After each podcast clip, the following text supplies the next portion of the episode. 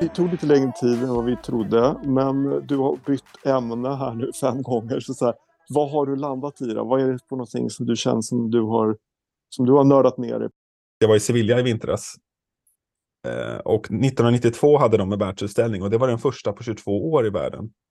Och den blev ganska stor. Jag tror att många som i alla fall är födda på 80-talet eller tidigare minns den här världsutställningen. Att den, det var mycket på tv och så. Det var ju samma år som det var Mm. OS i Barcelona också. Mm. Eh, och det är mycket kvar från den här världsutställningen. Jag, jag vandrade runt där i en regnig dag i Sevilla och det var som att gå runt i Kista, fast ett väldigt liksom bisarrt Kista. Ehm, och ja, jag, jag, jag tyckte helt enkelt det var väldigt fascinerande och jag tyckte också det var lite synd att de inte hade sparat allt. Mm. Och att de inte hade gjort en grej av det. Det var liksom som, det fanns inga turister som gick där och tittade. Eh, och om man är lite så arkitekturintresserad så är ju världsutställningar helt otroliga. Och sen så har liksom allting som jag har jobbat med och snöat in på har hängt ihop med världsutställningar. Men nu, när, var, när var den här i Sevilla? Vilket år var 92. det? 92. Men, för att jag läste någonstans bara om det här med liksom, de tre olika faserna för världsutställningar. Att man liksom, från att de började i mitten av 1800-talet eller mitten, slutet av 1800-talet, en bit in på 1900-talet så liksom första fasen var det här att man ville visa tekniska landvinningar, konst, arkitektur och sådana saker. Skapelser på det sättet. Så här. Sen övergick man till mer att det blev som en slags kulturella utbyten med världsutställningar. Och sen den tredje fasen som vi kanske fortfarande är inne i det här att man så att vill marknadsföra sitt land.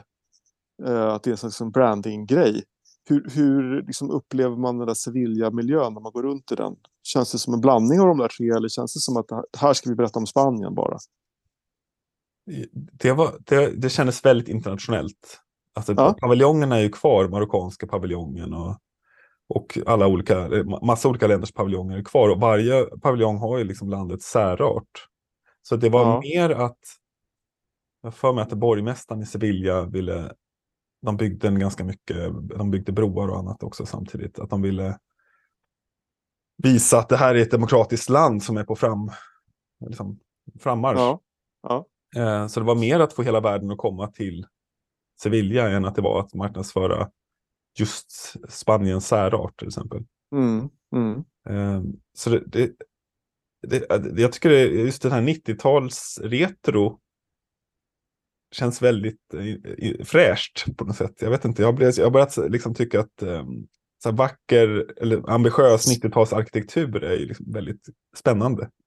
Men är det liksom the end of history-tänket det här typ att nu har vi nu har liksom Mm. Sovjetunionen fallit och allt är klart och nu, nu är mä- mänskligheten eh, tagit sig dit där, där alla krig är borta och allt elände är borta. Är, är, det, den ären av det? Så, så the end of history. Men det kanske Fukuyama. är det. Det kanske är det. Att, eh, Ja. att Spanien har nått sitt, slut, sin slutdestination, eller som demokrati, och nu så Ja. ska, Spanien ut i världen och visa att det går. Men det finns nog också lite underdog-tänkande där. Det var ju diktatur Ja. länge. Och när jag var där så träffade jag en, en spansk författare, så frågade han om så stereotyper och sånt, och vad, vad vi tyckte om spanjorer. Så Ja. sa han, ja ni tänker att vi är lata, eller hur? Och så här, det, det gör jag ju inte alls. Men det säger något om deras självbild kanske. Ja, ja, verkligen. Men jag vet att du nämnde ju att du var, hade snöat in på världsutställningar också, fast en, en speciell. Jo, men alltså, jag, jag eh, är ju lite sådär, vurmar ju lite grann för eh, La Belle Époque och den svenska världsutställningen, eller Stockholmsutställningen 1897 var ju liksom lite grann en, vad jag minns av de bilder man har sett och det man har läst om den, en, eh, en ganska imponerande konstruktion där ute på Djurgården. Man gjorde ju jättemycket saker och byggde ut massa olika paviljonger bara för konst och teknik och sådana saker. Och, eh, det var ju rätt banbrytande arkitektur det också tror jag för, för den tiden. Och eh, fascinerande siffra kring den där utställningen var att den hade över en och en kvarts miljon besökare. Mm. Det är ju rätt imponerande 1897 i Stockholm. Djurgårdsbron byggdes ju till den. Exakt. Och eh, Nordiska museet ställdes ut, fast bara halva. Ja, men precis. Det var inte riktigt klart, men man Nej. byggde någon slags annex till det. Och sen så byggde man ju en massa andra byggnader som inte finns kvar längre då. Men Har- de som finns kvar är ju ganska... Geologiska museet till exempel är därifrån. Det Men sen, det är, ja. Precis. indus- sen fanns det något som hette Industrihallen, jag har bara sett på bild, som var så här 100 Ja. meter högt och hade hi- eh, hissar i tornen och sånt.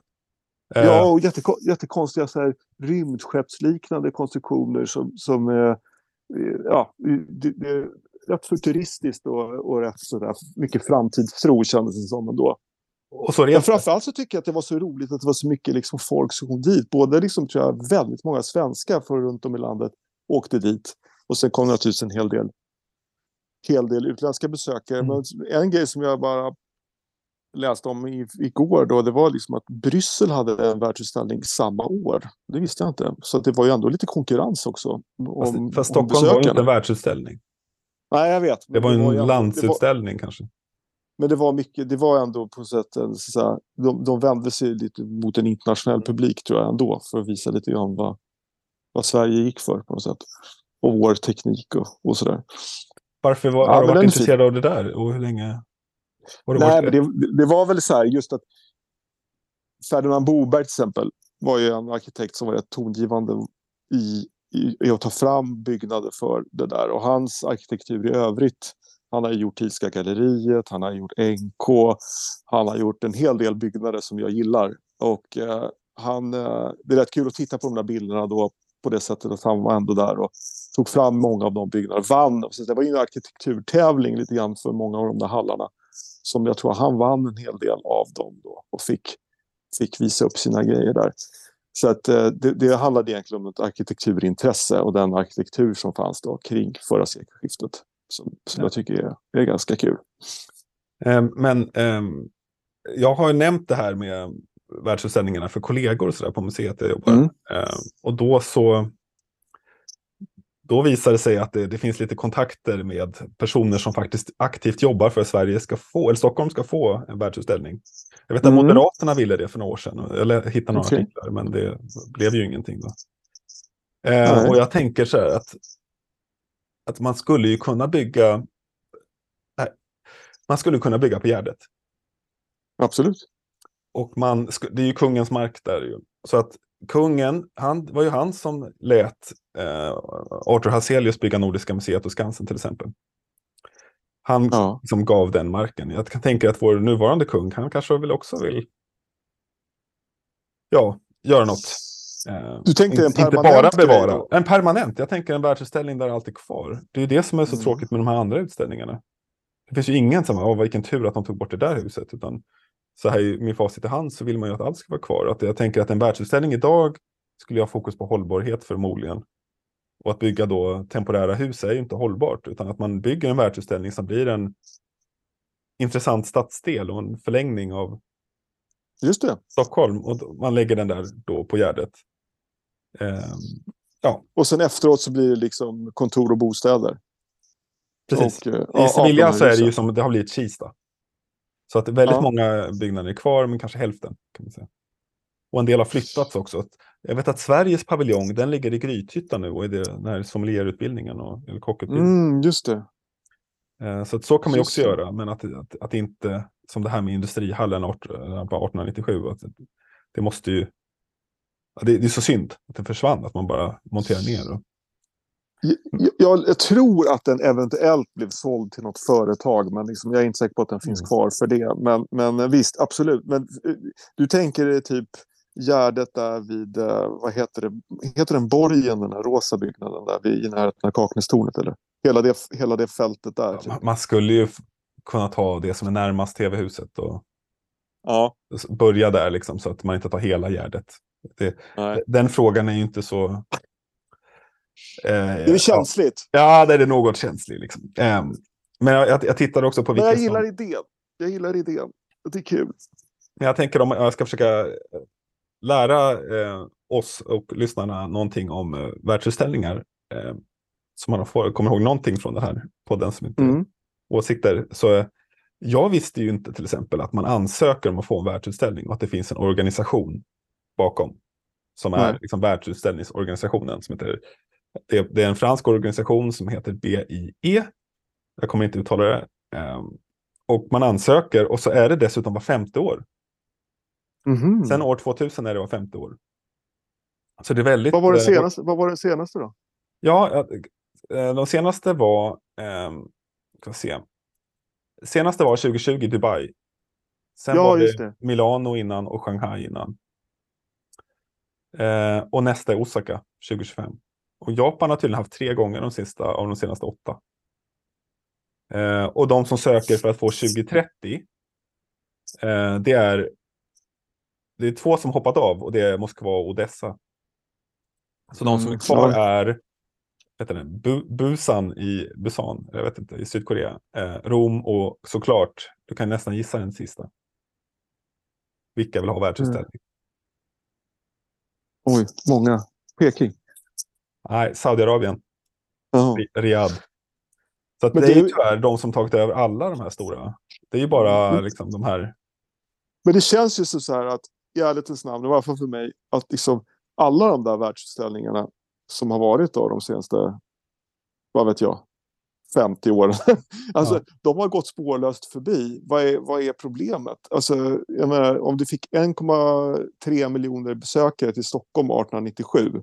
Hur ska, man liksom, hur ska man skapa ett sånt intresse, motsvarande intresse för en världsutställning? Men det är tiotals idag. miljoner numera på utställningarna. Så att det blir ju en, det är enorma framgångar rent är det, är besökarmässigt. det, Ja, det är det. Tiotals miljoner besökare? Ja, ja, i Shanghai. Och, Jesus Christ. så att det är ja. enorma framgångar. Det är bara att man kan väl tänka sig att det var, det var väl en större grej för.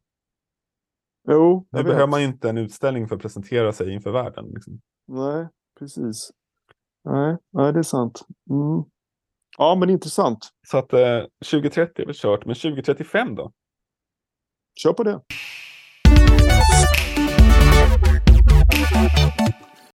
Du eh, Anders, eh, vad har du för ämne? Paul Wittgenstein. Ludwig Wittgensteins storebror. Känner du till honom? Jag har faktiskt läst ehm, en bok av honom, tror jag det var, om honom. Eh, det är han ena, ena uh, Hente-pianisten. va? Ja, men precis. Ändå ett fascinerande livsöde, eller hur?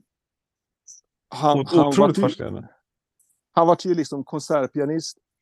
Eller han var ju konsertpianist och, och eh, eh, föddes i Wien och eh, som barn, hans, Wittgenstein-släkten kom ju liksom, det var ju en industrialistsläkt som var otroligt stor och mäktig och de umgicks också med en del, del kulturelit, så att säga. inte minst Richard Strauss och Johannes Brahms och Gustav Mahler och sådana saker som han, som han fick leka med när han var liten. Men Paul Wittgenstein, han debuterade sedan 2013 och eh, fick ett bra mottagande som konsertpianist och var liksom begåvad och duktig. Men sen så 1915 så fick han rycka in i första världskriget och fick en kula i armbågen och var tvungen att amputera sin högerhand. Och inte nog med det så hamnade han sen i, i, så här, i fångläger i Omsk i Sibirien. Och satt där och eh, funderade på liksom, hur han skulle kunna fortsätta som pianist.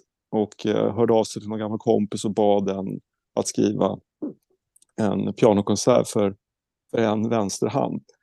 Och sen samtidigt så började han på något sätt öva teknik i fångenskap. Jag vet inte riktigt hur han gjorde det, för jag tror inte han hade liksom tillgång till ett piano direkt. Men, men sen så kom han ju ur det där och lyckades beställa då eh, verk från en otrolig mängd framstående eh, kompositörer. Eh, Benjamin Britten, Erik Korngold, Prokofjev, Richard Strauss, M- Maurice Ravel till exempel. Alla de här skrev konserter åt honom för piano för en hand. Eh, och eh, det var ju rätt imponerande. Så att han eh, började uppföra dem där och hade en väldigt speciell teknik och eh, ja, eh, blev, blev som en framgångsrik pianist, eller konsertpianist. Men inte nog med det då. Sen så eh, eh kom ju liksom nazisterna och annekteringen av Österrike och han, eh, även, om, även om tidigare generationer Wittgensteins hade liksom konverterat från judendom till kristendom så var det inte tillräckligt rent ändå för, för nazisterna. Så att den här släkten började liksom spridas i vinden. Ludwig, Ludwig Wittgenstein hamnade i Cambridge och fick sedermera så säga, brittiskt medborgarskap. Och hans syster hamnade i USA. Och eh, Paul tog sig också till USA till slut. Men han försökte få med sig sina äldre systrar som satt i något palats i Wien. Men de vägrade flytta på sig. Men det slutade med att, att eh, nazisterna beslagtog familjens förmögenhet som var den största i Europa, mot, som var liksom 6 miljarder dollar då, på 30-talet. Helt otroligt. Och det mm. fick, de, tog, de tog de här pengarna i utbyte mot att de här systrarna fick bo kvar i det här palatset i Wien. Helt otroligt. Men, men Paul, ja förlåt. Nej, men hur, hur, hur kom du in på det här nu då? Nej, men grejen var så här att jag började liksom googla på det här med folk med speciella talanger. Mm. Och eh, med tanke på det här ämnet vi ska prata om sen med liksom lite spretiga CVn och multitalanger och sådana saker. Och, och, och då, då snubblade jag över den här. Jag kommer ihåg honom för jag läste en, det kanske var den samma bok som du har läst, Alexander Waugh, om, om familjen Wittgenstein. Jag har aldrig läst boken, men var, den var på min eh, köplista förra sommaren minns jag. Den kan jag rekommendera. Och sen någon sommar innan var det i familjen Mann. Så det är ja, liksom det. samma tema här. Eh, så ja. jag, jag har varit riktigt inne på familjen Wittgenstein också. Eh, och Paul. Men tog han inte sitt liv på något sätt? Eh, nej, nej, jag tror inte det. Men däremot så han var han var en knepig jäkel. För att liksom, dels då så hans fru eh, Hilda som han mötte när hon var 18 och han var 47. Och han liksom gav pianolektioner och redan efter första lektionen så var hon gravid. Men de gifte sig sen sedermera på Kuba i då, när, de, när de hade emigrerat från eh, Tyskland och de höll ihop resten av livet. Men han var också lite knepig när det gällde de här att han hade kommissionerat de här konsertstyckena för att då hade han skrivit in i någon slags avtal med alla de här kompositörerna att han ägde rätten till de här verken som de hade skrivit. Vilket gjorde att han började mixtra med partituren sen och det var liksom bråk med Maurice Ravel och Prokofjev och sådana saker som tyckte att han höll på och eh, förstöra det, de där grejerna som de hade skrivit och sådär. Så han var nog en ganska knepig lirare, eh, gamle Paul. Just det, men, men jag, ändå... jag den här, det finns en, bo en, bok av Thomas Bernhard som heter Wittgensteins brorson. Ja. Eh, den, det är den jag har läst. Eh, som, eh, det, är en, okay. det är en roman, men jag vet att Paul är det är lite läskigt hur lite man kommer ihåg ändå saker man ändå nördat, in, ja. nördat ner sig på. Så det är bra att dokumentera det så här. Eh, men han, eh, jag, jag, det jag kommer ihåg är att en väldigt, väldigt stor andel av alla, alla eh, pianostycken som har komponerat, eller som skapats för enhänta är ja. för vänster hand. Att det är typ ja. 80 procent. För det är, nästan alltid av... höger hand man förlorar i krig. Ah. Att det är liksom, ja. Ja, eller i, kanske i övrigt också ifall man precis ja, man använder. Precis. Man är, använder okay. ja. Att det är en sån där Om man är högerhänt. Fakta, ja. Faktauppgift. Uh, mig, fick mig faktiskt tänka på en annan faktauppgift jag fick igår. Nu är jag tillbaka till världsutställningar. Att det var två bibliotekarier på Kulturhuset jag var som pratade om, plötsligt bara kastade den ena ur sig. Heter det pariserhjul även i Paris? Mm -hmm. Och de kollade inte upp det. De bara satt och diskuterade. Det var lite intressant. Så då kollade jag upp det. Och det heter ju inte det. Det är Ferris wheel. Ja, det är det engelska namnet. I Paris heter det något annat. Eh, men i Sverige heter det alltså Pariserhjul. Fastän Ferris skapade då det första Pariserhjulet till världsutställningen i Chicago. Och det stora Pariserhjulet... är, är, inte, är inte det bara liksom en, en eh, så här att man trodde att man sa Pariserhjul fast ja, det var Ferris-hjul. Liksom.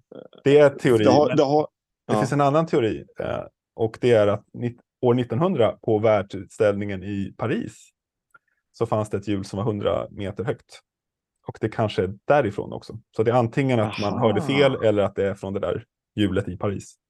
Mm -hmm. Och då är vi inne på världsutställningen igen. Jag tyckte det var intressant hur allting bara knöts samman igen. Men det var, var det den världsutställningen där Eiffeltornet presenterades? Eller? Nej. Alltså, 1900 var väl inte Eiffeltornet? Nej, nej, nej. Det var, nej, det var, det var tidigare. Det var tidigare. Så att det, är mm. ganska, ja, det är ganska många byggnader som hänger ihop med världsutställningar också. Som Crystal Palace och Eiffeltornet. Och, ja, just det. Och några till. Just det. Eh, ja. Ja, tillbaka till Paul.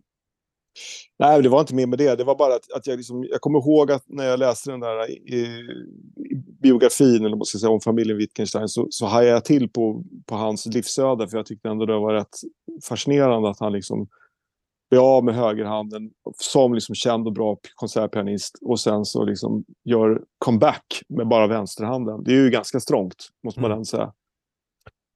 Men som sagt, varför... Ja. Nej, jag tänkte, det var det här med multitalanger. Varför jag hamnade lite grann på honom var ju det här att Wittgenstein, Ludwig Wittgenstein, den berömde Wittgenstein, han var ju liksom också, han ritade ju, han var ju arkitekt också förutom att han var filosof och, och lärare och allt vad han höll på med, en massa olika. Honom borde vi snacka någon gång om mer. Han satt i någon hy- hydda uppe i Norge och allt det där. Men, men, eh, men och då, då, då kom jag på att jag hade läst hans bror och, och eh, ja, det var den, var den vägen det var, helt enkelt. Ja, det här, det här för oss ju närmare liksom vårt ursprungsämne. eh, Det stora Mm. ämnet. Mm. Och det finns väl någon tanke där att eh, Riktigt, ja, ja jag, har, jag har lite tankar där om vilka förutsättningar som kanske behövs för att man ska bli sådär spretig. Framgångsrikt Ja. spretig. Eh, och det kan man ju säga att familjen Wittgenstein är ju en sån familj som har förutsättningarna för att vara excentrisk på ett framgångs, framgångsrikt sätt, i alla fall i offentligheten. Ja. Ja. Ehm, men innan vi hoppar över till det, Mm.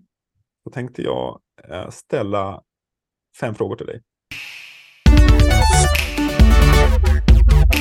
Okej, är du redo? Ja. Första frågan. Inredningstidningar för eller emot? Eh, oj! det har jag aldrig tänkt på. Eh, ja, men jag säger för. Jag känner mig positiv idag. Varför? Nej, men det är väl klart att om man tycker att det kan vara roligt att få inspiration av hur andra tänker och, och det, det har ju alltid funnits. Jag, menar, jag tänker på återigen, jag, mitt vurmande för förra sekelskiftet när alla satt och läste The Studio. Eh, till och med Carl Larsson och allihopa. Eh, och, och tittade på, på det som kom från framförallt Storbritannien. Sådär. Det Det var ju mycket inredningstips. Det är inte skitdrömmar då? Att det är skitdrömmar. Mm. Som Jag Nina Björk inte. skrev en gång. Jag vet inte. Jag tänker så här att man...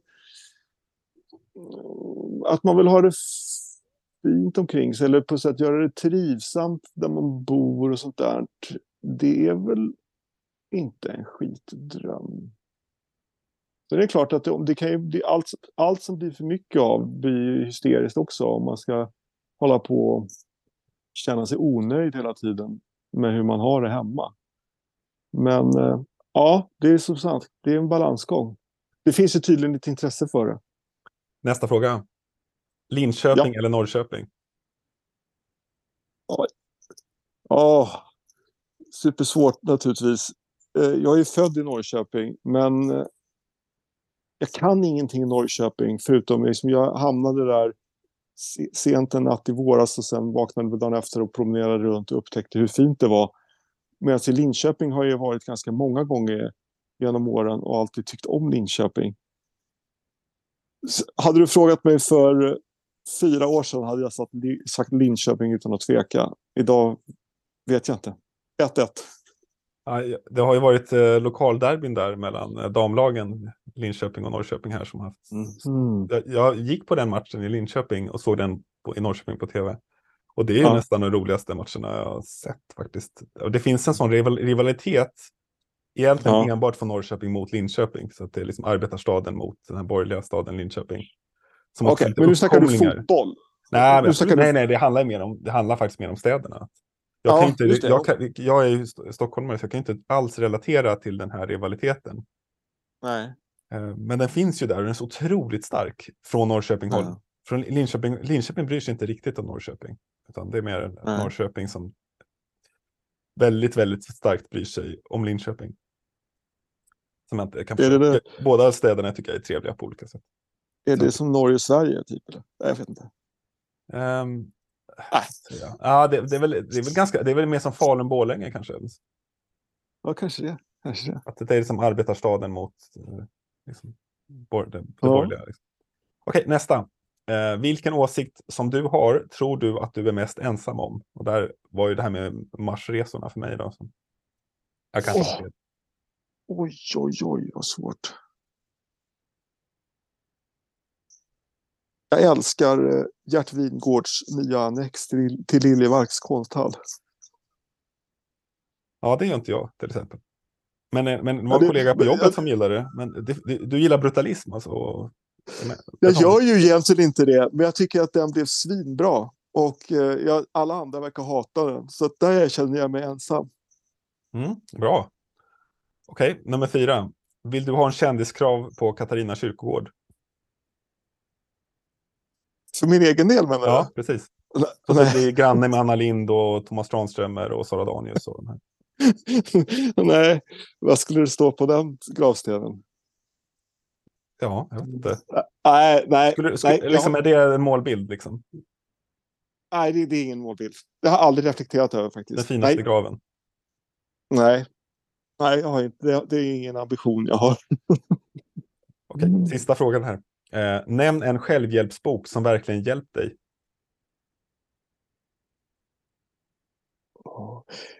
Eh, oh, jag har nog inte läst egentligen så här självhjälpsböcker på det sättet. Men, men en grej som kanske har hjälpt mig lite grann, som jag tycker i alla fall, i, det finns en bok av Yvon Chouinard, han som grundade Patagonia.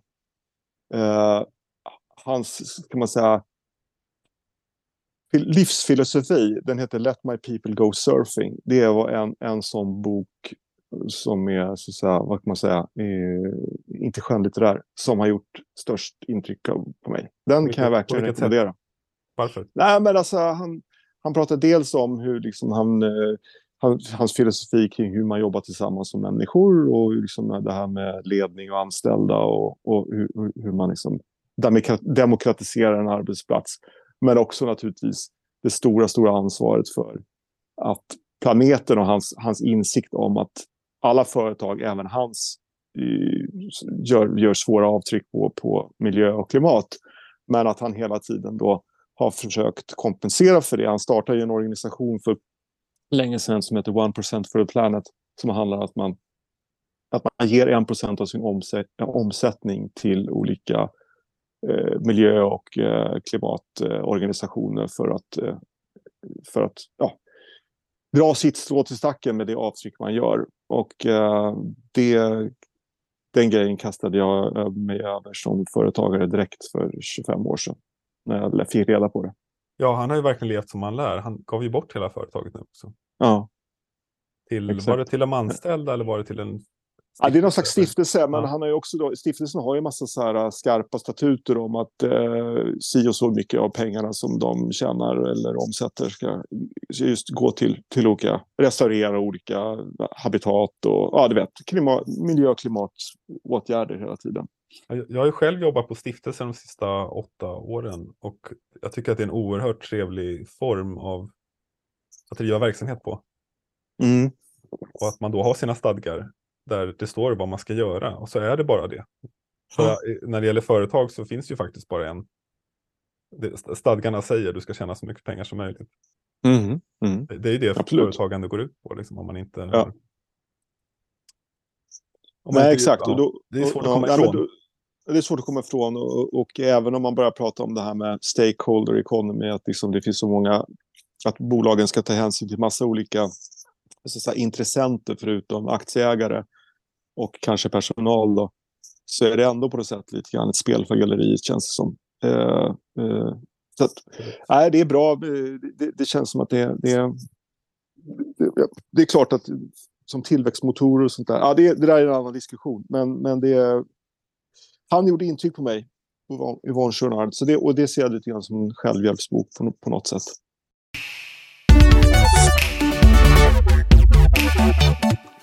Okej, då går vi vidare till det stora ämnet för dagen. Ehm, och min, min, min far som hade lyssnat på podden, han hade sett fram emot att vi skulle prata om ehm, vad som inte finns om 20 år. Mm. Företeelser som inte finns. Men Ja. det blir en annan gång, för nu, nu handlar det om spretiga CVn. Och eh, ja. vad tänker du om Ja, det, precis. eh, Anders?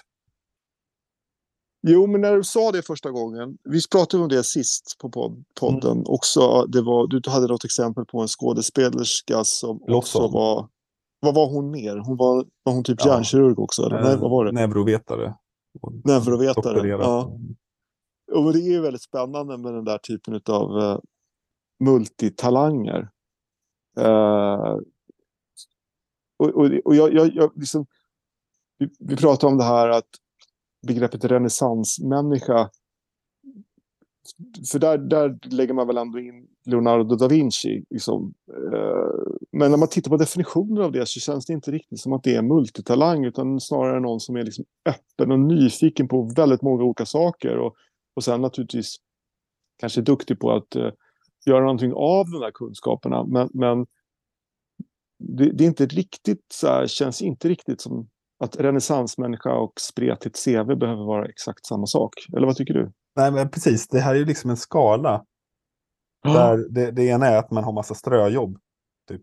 Det är liksom längst ner på Ja. skalan. Att man, man både har varit liksom vikarie i låg, lågstadiet och städar, städat och jobbat med att skicka ut nyhetsbrev åt något liksom, tvålföretag. Eh. Och sen det andra då, att man är expert på allt det här.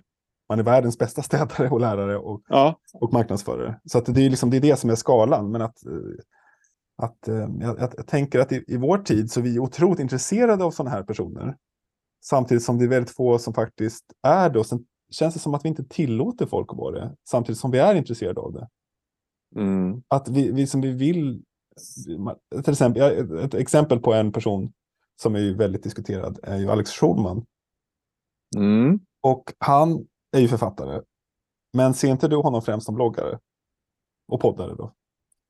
Alltså, vi som har varit med, alltså, han kom fram som bloggare, väldigt elak bloggare. Och det är Ja. många som har svårt att släppa den bilden. ja det, har man ju, det har man ju förstått. Jag läste aldrig hans blogg. Jag har aldrig tagit del av den. Liksom. Så att jag, jag har liksom, men däremot genom när man lyssnar på, på deras podd och, och sådana saker så har man ju förstått att han har det arvet. Att han är liksom den personen som satt och häcklade andra människor på sin, på sin blogg. Eh, och att den då blev framgångsrik så tillvida att den fick många följare, eller? Ja, den blev ju otroligt framgångsrik och det var, blev, Ja. det var ju som en dokusåpa hela den där bloggen. Ja. Ehm, men att det kan vara Men svårt att byta, ja. att ömsa skinn och vara flera saker i samhället idag. Att här, vi, man blir väldigt låst kring sin första framgång. Säkert. Säkert. Jag undrar om det var så för Ja. Leonardo da Vinci med det. Ja, det, det där är ju liksom, precis. Eh, han, han var ju både liksom, vad ska man säga, fysiker, tekniker och konstnär och mycket annat. Eh, men eh, jag, jag, har också svårt, jag tänkte så här, vilka människor, nu levande människor skulle man be, betraktas som en sån multitalang som Leonardo da Vinci? Jag kom inte på någon direkt. Gjorde du det? Har du det? Um, jag tror att det är namnet som de flesta tänker på, i alla fall som har väldigt bred kunskapsbas, liksom, bas, är väl Ja. Elon Musk kanske. Eh, han, är ju, han är ju, jag kommer inte ihåg vad han är utbildad inom, är han civilingenjör eller fysiker eller sånt där. Men att han, han, han, liksom, han, han kan hantera hela företaget. Alltså han behärskar varje del i företaget. Känslan Mm. är det. Men då så mejlade jag till min pappas kusin Ola Hermansson som, eh, har, eh, som pratar i en helt eh, en annan podd som är något mer eh, framgångsrik tror jag än den här i alla fall. Eh, I hjärnan på Louise Epstein. Ola Mm. är ju professor i, i neurovetenskap. Och då frågade jag om detta. Vad han tänkte om... Och han, han menade ju att det fanns väldigt många inom hans gebit som var liksom väldigt eh, konstnärliga eller spelar i band som han själv gör då. Alltså, Ola Mm. har ett band som heter Sonic Surf City som turnerar i Japan. Och, han upp, och Mm. Ola upptäckte Cardigans bland annat när han hade drev skivbolag och nu är han då professor i något helt annat. Ja, och- ja men det, och, och det det, är det var lite han, han är ju en sån där person som jag hade när jag växte upp som jag tittade på. så. Alltså, Ja. man måste inte välja. Och jag tror att många som växer upp idag också känner så. att hela den här speciali... Alltså, man är ju inte bara en sak som människa. Man är ju alltid många saker. Ja. Eh, och så ska man liksom tacka nej till då men, stora delar av sin personlighet. För att det är det som på något sätt förväntas om man ska kunna bli riktigt bra på någonting. Ja. Men då tog han upp Elon Musk som ett exempel på någon som gärna vill se sig själv som en renässansmänniska, men som kanske inte är det. Han, han hävdar att han inte, han är väldigt duktig entreprenör och bra på att marknadsföra sig själv. Och han har liksom skapat en myt om sin intelligens och multibegåvning. Men då menar Ola att den går att ifrågasätta. Jo, ja. jag vet, och jag kan hålla med honom i det. För jag tänker så här, då, för att vara den där det riktigt spretiga CVt på den där nivån så skulle liksom Elon Musk också behöva vara typ vinna Eurovisionsschlagerfestivalen eller liksom, du vet, ha också ett framgångsrikt band. Liksom. Eller, ja, ja, exakt. Jag såg förresten ett, ett, ett, ett, ett, ord för, uh, vi pratade om LinkedIn förra avsnittet. Uh, ja. och den, den typen av språk som växer fram på LinkedIn, att det kallas för broetry. Ja, jag vet. Jag kan tänka mig det. Att det, var, det var liksom, vilket, man förstod ju direkt vad det handlar om. Det liksom, ja, ja. Och, där, och där ligger Manlig liksom, poesi, eh, till skillnad från ja. den andra varianten. Mm, verkligen. Men jag tänker typ Bianca Ingrosso. Hon är ju egentligen eh, hon är ju influencer, men hon är ju också väldigt framgångsrik företagare. Kan vi släppa då det här influencer och bloggandet och tv-serien och att hon vi vet ju lite för mycket, alltså, hur hon låg hemma i mammas soffa liksom, och inte kom upp. Ja. Alltså grejen är så här att jag kan ju ingenting om henne heller, förutom att jag bara, alltså jag har inte tittat på Wahlgrens värld och jag har inte, jag, jag har inte Instagram och jag, jag, jag, vet däremot att hon sålde sitt sminkföretag va, för jättemycket pengar eller delar av det till, till, till något riskkapitalbolag eh, och sådär. Så att hon är ju, verkar ju ha varit otroligt duktig på det hon gör. Men jag kan ingenting om henne som person. Tyvärr. Nej, men det, det man får, om man bara tittar på resultatet så kan man väl säga att hon har ju det. Ja. Uppenbarligen har hon det. Och då får man ju fråga, vad är det som är det? Ja. ja. Um, jag kan säga, mina barn, eh, de har ju, de, jag, jag har förbjudit dem att titta på det eh, faktiskt. För att de, de tyckte att programmet var så, det var så beroendeframkallande. Så det var alltid igång hemma plötsligt. Och jag blev så, så trött på att höra den här familjen Wahlgren i mitt hem hela tiden. Mm. Att, eh, ja, de... alla, dessa, alla dessa multitalanger. Ja, men de är ju, alltså, de är ju otroligt skickliga på olika saker. Mm. sen är de ju inte bildade. Men liksom, till exempel ja, det... Benjamin är ju en fantastisk sångare tycker jag. Liksom, att han är... Ja, ja, verkligen. Och, ehm, så att de är ju multitalanger inom sitt fält, men det, det, man är intresserad av är de här som hoppar mellan fälten, eller hur? Ja, men du, vill du veta då vilka som är liksom topp 10 genom historien som multitalanger? Oj, ja. På tionde plats kommer Hildegard von Bingen som typ var helgon på 1500-talet. Förutom att hon var, kunde prata med Gud så hade hon också otroligt eh, långt gångna studier inom vetenskap och inte minst medicin. På nionde plats kommer en kille som jag faktiskt tror är nu levande som heter Douglas Hofstetter. Mm.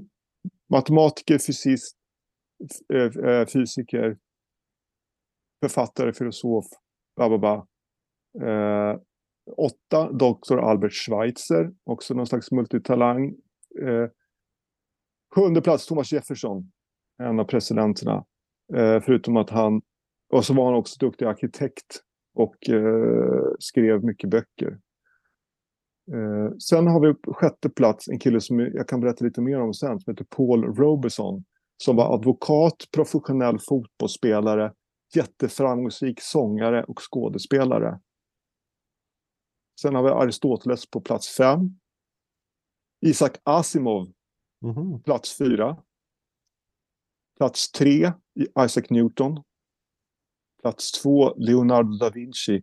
Oh. På första plats, Benjamin Franklin. Han var också en av de uh, founding fathers i, i, i uh, USA och uh, han uppfann bland annat glasögon, the bifocals och eh, inte minst eh, OSK-ledaren. Eh, och eh, lite andra saker. Ja, jag, jag tänkte hoppa på, eh, som, det är ju ganska många män på den här listan. Eh, men jag lyssnade på ett program om Hildegard av Bingen. Ja. Eh, där hon då, forskaren som hade, var expert på henne, sa att hon var ju nummer ett.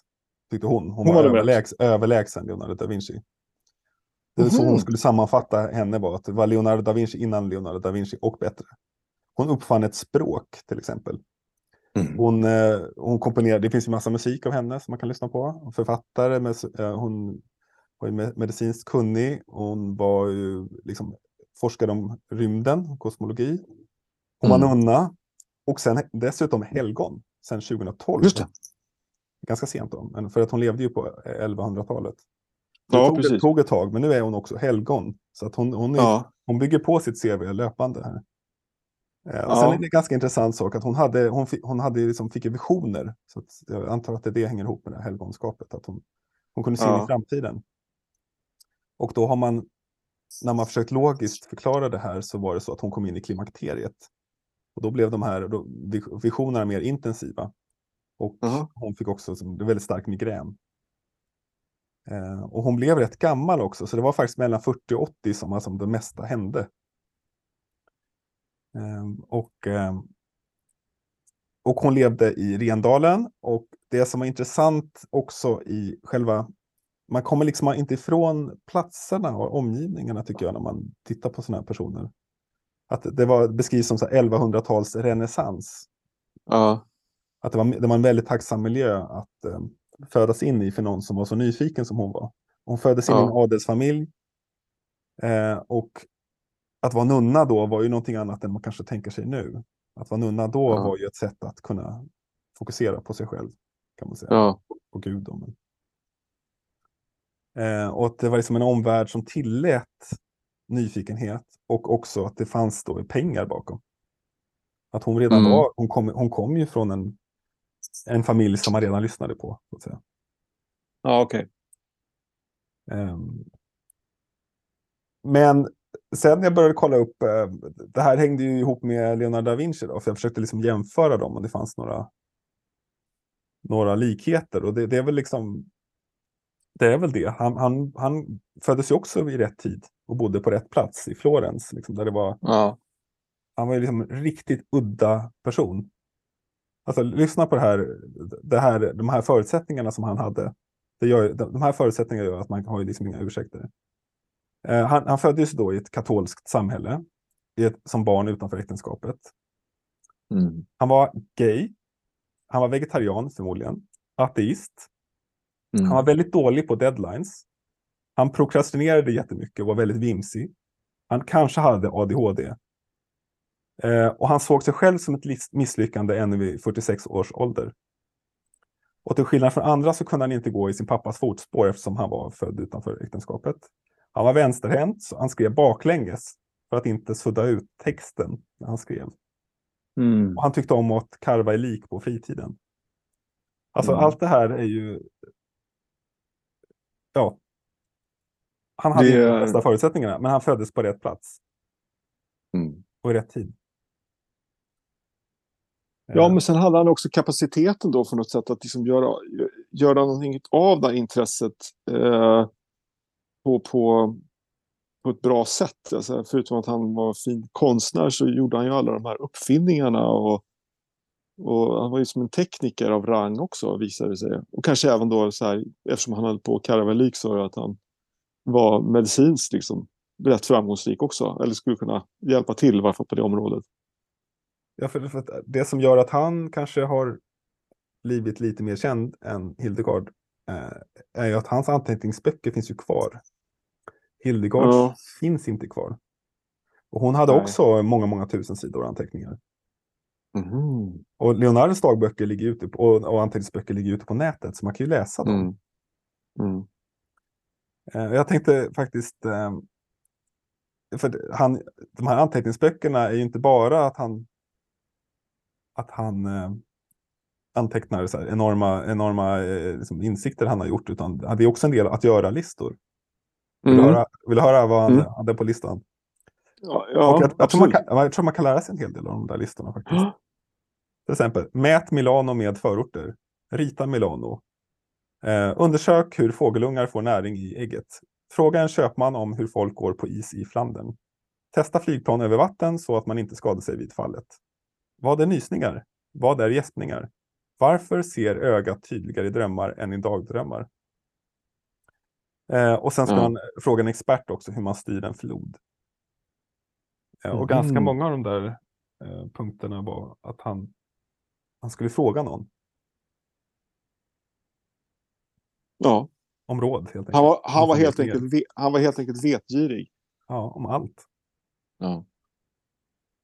Men hur, hur, eh, din ingång till det här med spretiga CVn, din personliga, liksom, hur, hur ser den ut?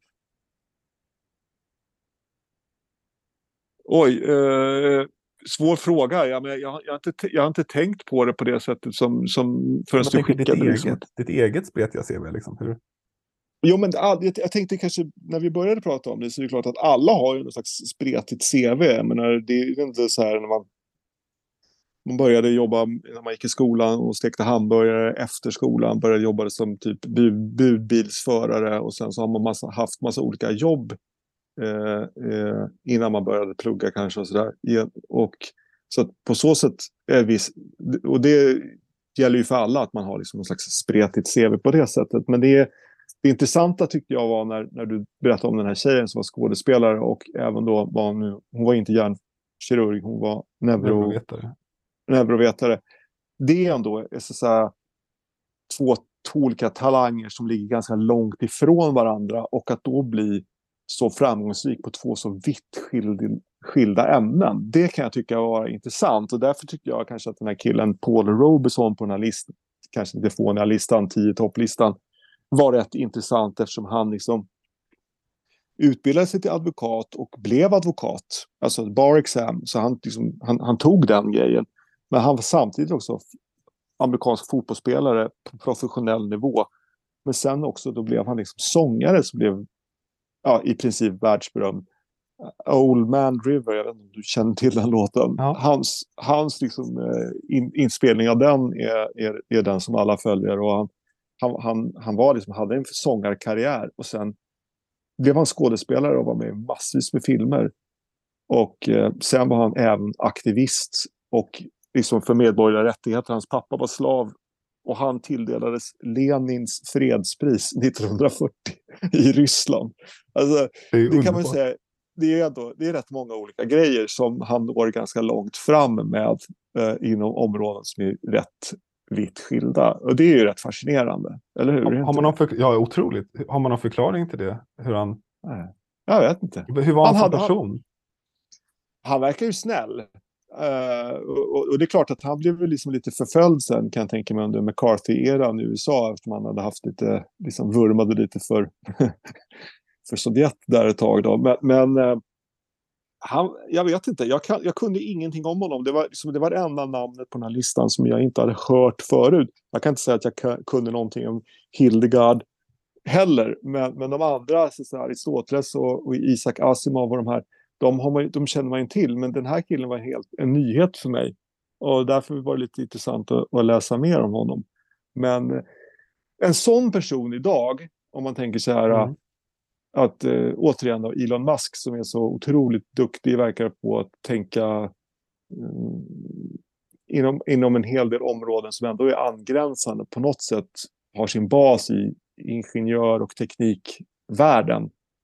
Om han skulle ha liksom en, en, en grej som ligger väldigt långt ifrån det där han skulle vara lika framgångsrik eller nästan lika framgångsrik. Om han skulle vara liksom som Elvis Presley på scenen dessutom. Det skulle ju vara rätt fascinerande, eller hur? Ja, och det säger väl något om... Det är väl inte som att det, det har varit drösvis med sådana människor förr i tiden också, men det kanske har funnits tider när det har funnits en annan... Ja, men till exempel, man säger ju renässansmänniska av en anledning. Ja, Så att så här, renässansen uppmuntrade till detta. Till att vara en hel människa. Men idag så har vi en specialiseringsvurm i samhället där Jo, men det- vet du vad? Lite kanske, om man tänker på den här killen som vi pratade om, eh, eh, Kettler. Han, eh, alltså, om, om du liksom ha- hade huvudet på skaft och eh, du kommer från en familj som hade mycket pengar och kunde skicka dig på en jäkla massa olika utbildningar i språk och medicin. Och, alltså, på den tiden så, så här, om, om du då kunde skickas runt bland de bästa och du dessutom var en person som hade liksom, ja, hyfsad intelligens och, och var lite kreativ så, så kanske du kunde göra någonting av det. Men idag är det svårare för att det, du sticker inte ut på samma sätt. Eller, ja, det är svårare att sticka ut på det sättet. det var precis att, att vara expert idag är, man är expert i en mycket tuffare omgivning. Ja, men exakt. Och det, det roliga skulle ju kunna vara om man, om man skulle kunna hitta eh, personer som har de här verkligen expertkunskaperna på, på fält som är jättelångt ifrån varandra. Det tycker jag är rätt spännande. Det, det är det verkligen. Jag känner mig väldigt, jag gjorde, uppdaterade min personliga hemsida häromdagen mest för att ja. jag känner mig så spretig så att jag behöver liksom en plats att sortera mig. Ja. Eh, och då hävdar jag på den hemsidan att allt hänger ihop och jag tycker att det gör det.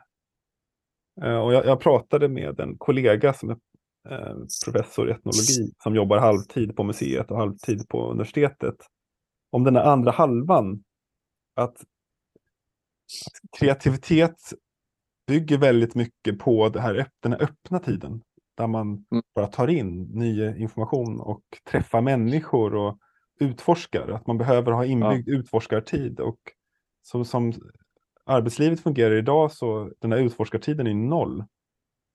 Den anses inte effektiv. Kortsiktigt är den inte effektiv. Långsiktigt är den effektiv. Mm. Mm. Så att om man jobbar då 8-9 timmar om dagen på ett kontor och då dessutom svarar på mejl hela tiden så hinner man ju aldrig tänka på det sättet. Nej. Så att, så att om man, ja.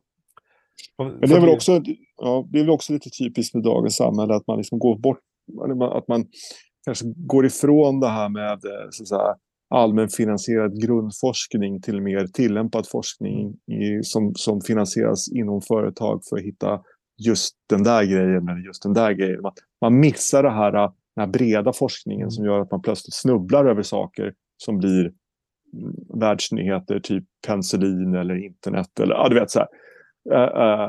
Och, och, det kanske också lägger, lägger lite grann krokben på att sådana här typer av människor ska ta sig fram. Jag vet inte. Ja, det, var här, det här är också när jag snörde in på kaos som, som strategi. Men jag vet att ja. det här företaget 37 Signals som Jason Fried som är sån här produktivitetssnubbe driver, de, han lät alla anställda vara lediga en månad. Men utan att de var lediga. De fick liksom inga arbetsuppgifter annat än att här, förbättra företaget. Ni ska ja. inte göra någonting annat än detta. Eh, och ni får göra det tillsammans eller en och en. Och sen efter en månad så hade de träffats igen. Och det hade tydligen varit väldigt produktivt på många sätt. Ja, ja.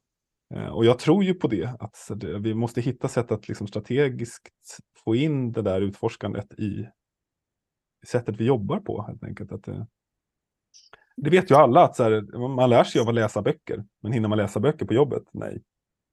Nej, precis. Nej, nej, det, exakt. Nej, man, man, man, måste, man måste få ta sig tid att fundera kring eh, saker runt omkring eh, eh, för att man ska komma på bra saker. Eh, apropå da Vinci där, jag, jag, det fladdrade förbi någon självhjälpsbok ap, apropå det där som hette How to think like Leonardo da Vinci. Det var något kapitel mm. där som jag fastnade lite för som handlar om det här med connessione. Jag, mm. jag, utgår ifrån att det ska uttalas på det sättet på någon slags italienskt. Där han snackar om, alltså äh, utifrån att da Vinci var duktig på att fundera på hur allting hänger samman. Mm. Hur, är, hur, hur, hur är saker ihopkopplade? Han liksom om man utgår från en måltid där man sitter med en, eh, en linguini med eh, vitlök och olivolja, svartpeppar och pecorinost och så här. Och, eh, och, så, och då ska man så här försöka bryta ner den här måltiden i komponenter och fundera kring hur alla de här komponenterna hamnade på ens tallrik. Mm. och sådana saker. Och det kan man göra med andra saker i livet också, att man liksom försöker koppla ihop Eh, saker som man rent vid första ögonkastet inte kanske har med varandra att göra. Men allting hänger samman. Och eh, då så ger han exempel på det, den här författaren till den här boken alltså. Att fundera lite grann på vad som hänger, vad hänger samman. Mm, till exempel ett eklöv och en mänsklig hand. En giraff och coleslaw. Ett vårtsvin och en dator uh, The Global Economy and the Portobello Mushroom. Uh, då ska man sitta där och fundera lite grann på vad är, det som, vad är det som binder de här sakerna samman. Det kanske är ett sätt att skapa kreativitet. Ja, kreativitet är ju just det. Alltså allt, allt som är nytt är ju en kombination av två befintliga saker. Ofta mm. är det någonting i utvecklingen som har gjort att två saker går att kombinera för första gången. Ja. Ja, men iPhone-tekniken var tillräckligt avancerad för att man skulle kunna göra Blackberry med pekskärm och på det sättet som man Ja. då hade tänkt. Men det måste Eh. finnas en visionär då också, som typ Steve Jobs, som kan liksom se eh, Just det. hur, hur de här kanske till synes oförenliga teknikerna ändå på något sätt ska bli de- de ska gå ihop och det, det faktum att man för dem ihop skapar någonting helt nytt. Det är Precis. lite häftigt. Alltså, jag hade någon tanke när jag var yngre, och det är inte så mycket yngre, eh, att jag skulle liksom dela upp mig själv i olika delar. Att, att jag hade rent så här, professionellt, Mm. att jag tyckte inte jag hängde ihop. Så att säga. Att jag, men att, om jag är intresserad av fotboll hänger inte det ihop med att jag skriver poesi på nätet eller jobbar som journalist eller jobbar för ett museum. Att allt det här Mm. var separata enheter och det hänger ju inte ihop med min släkt eller det hänger inte ihop med min vänkrets. Allt var ju små e- öar. Fram till jag Mm. plötsligt eh, bara var öppen med allt och pratade om allt i alla sammanhang. Och då märkte jag att det fanns enorma synergieffekter. Att plötsligt så kunde jag bli bjuden till ett museievenemang i Göteborg och hålla föredrag för 500 personer. För att jag hade varit med på en poesifestival i Trollhättan. För att jag hade använt Instagram och lagt ut texter. Och då hängde det ihop. Eller att jag plötsligt kände någon på en museer i Norrköping för att jag gillar fotboll. Mm. Mm. Och att just den här öppenheten skapade så mycket, nästan för mycket eh, möjligheter. När det blev så här otroligt konstiga noder. Men alla människor är ju så här. Alla människor har ju olika ingångar. Och, så att om man är öppen med sina ingångar kommer man märka att det finns fler som är som man, som man själv. Jo, men du, jag tänker på en sak. Vad heter det? Har du, ja, har du också varit så här avundsjuk på specialister? Jag tror du och jag är både generalister båda två. Ja. Och, och jag har funderat ofta på så här att man kan vara jävligt avundsjuk på någon som är specialist. Som kan ha ett så brutalt intresse för en viss smal sak. Och, eh, och liksom va- finna så mycket nöje i att bara lära sig mer och mer och mer och mer om det, om det området. Att, att, eh, att eh, det vore lite skönt ibland. Eller? Ja, men det är väl den stora drömmen om det här enorma djupet. För om man gräver på samma ställe så kommer man ju djupare. Ja. Att kunna ägna sig åt ett ämne och vara så intresserad och det räcker. Alltså, jag har absolut varit, det var därför jag läste till psykolog ett tag. För att jag, Ja. och då- fick jag också en liten glimt av vad det innebär att vara expert. Alltså jag, jag, Mm. jag fick ju ytlig kunskap såklart, men jag kunde ändå se vad som var borta i horisonten. Att man, om jag Mm. fortsätter gräva här så kommer jag in på, ett, liksom, till ett djup jag aldrig annars har upplevt.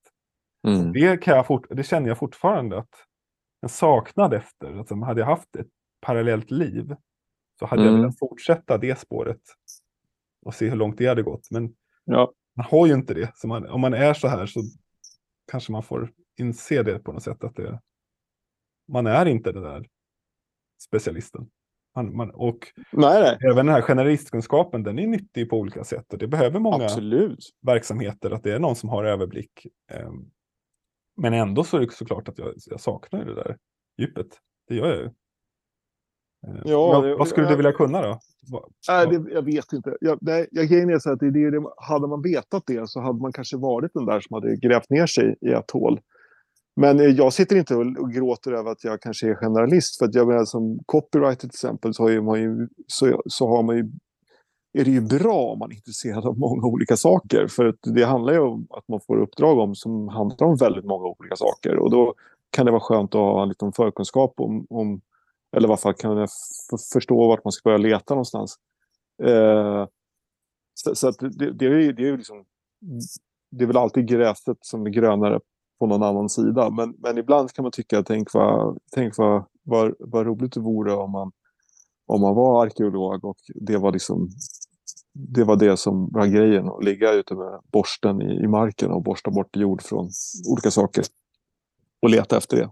Men här, här kommer ju arbetsmarknaden in också. Att, att det, ja, man kanske, Ja, det är, som, det är som någon sorts risktänkande också. Så här, men om, om man gräver väldigt mycket på ett ställe och sen vill ingen att man ska gräva där längre, så har man inte så mycket. Nej. Det är Det, kanske är någon, någon rädsla där, att det är kanske det som, om man jämför då med Leonardo, och Hildegard och de här som hade förutsättningarna, att de hade ju ekonomiska förutsättningar också att göra vad som helst. Mm. Jag Mm. behövde aldrig tänka så. Nej, men där tror jag också i och för sig att många så här specialister eller, som, eller supertalanger på ett område, de struntar i den risken. Mm. De är bara, de är bara drivna Precis. på att göra sin grej. Och sen eh, får vi får läsa om de som hade framgångar och vi läser inte om de som inte kom någonstans. Men, men, eh, men jag tror att de, de är nog ganska så att säga, riskbenägna personer generellt. Det tror jag. I Eh. det att de, de kanske inte tar en medveten risk, men de, de Det liksom, finns inget val.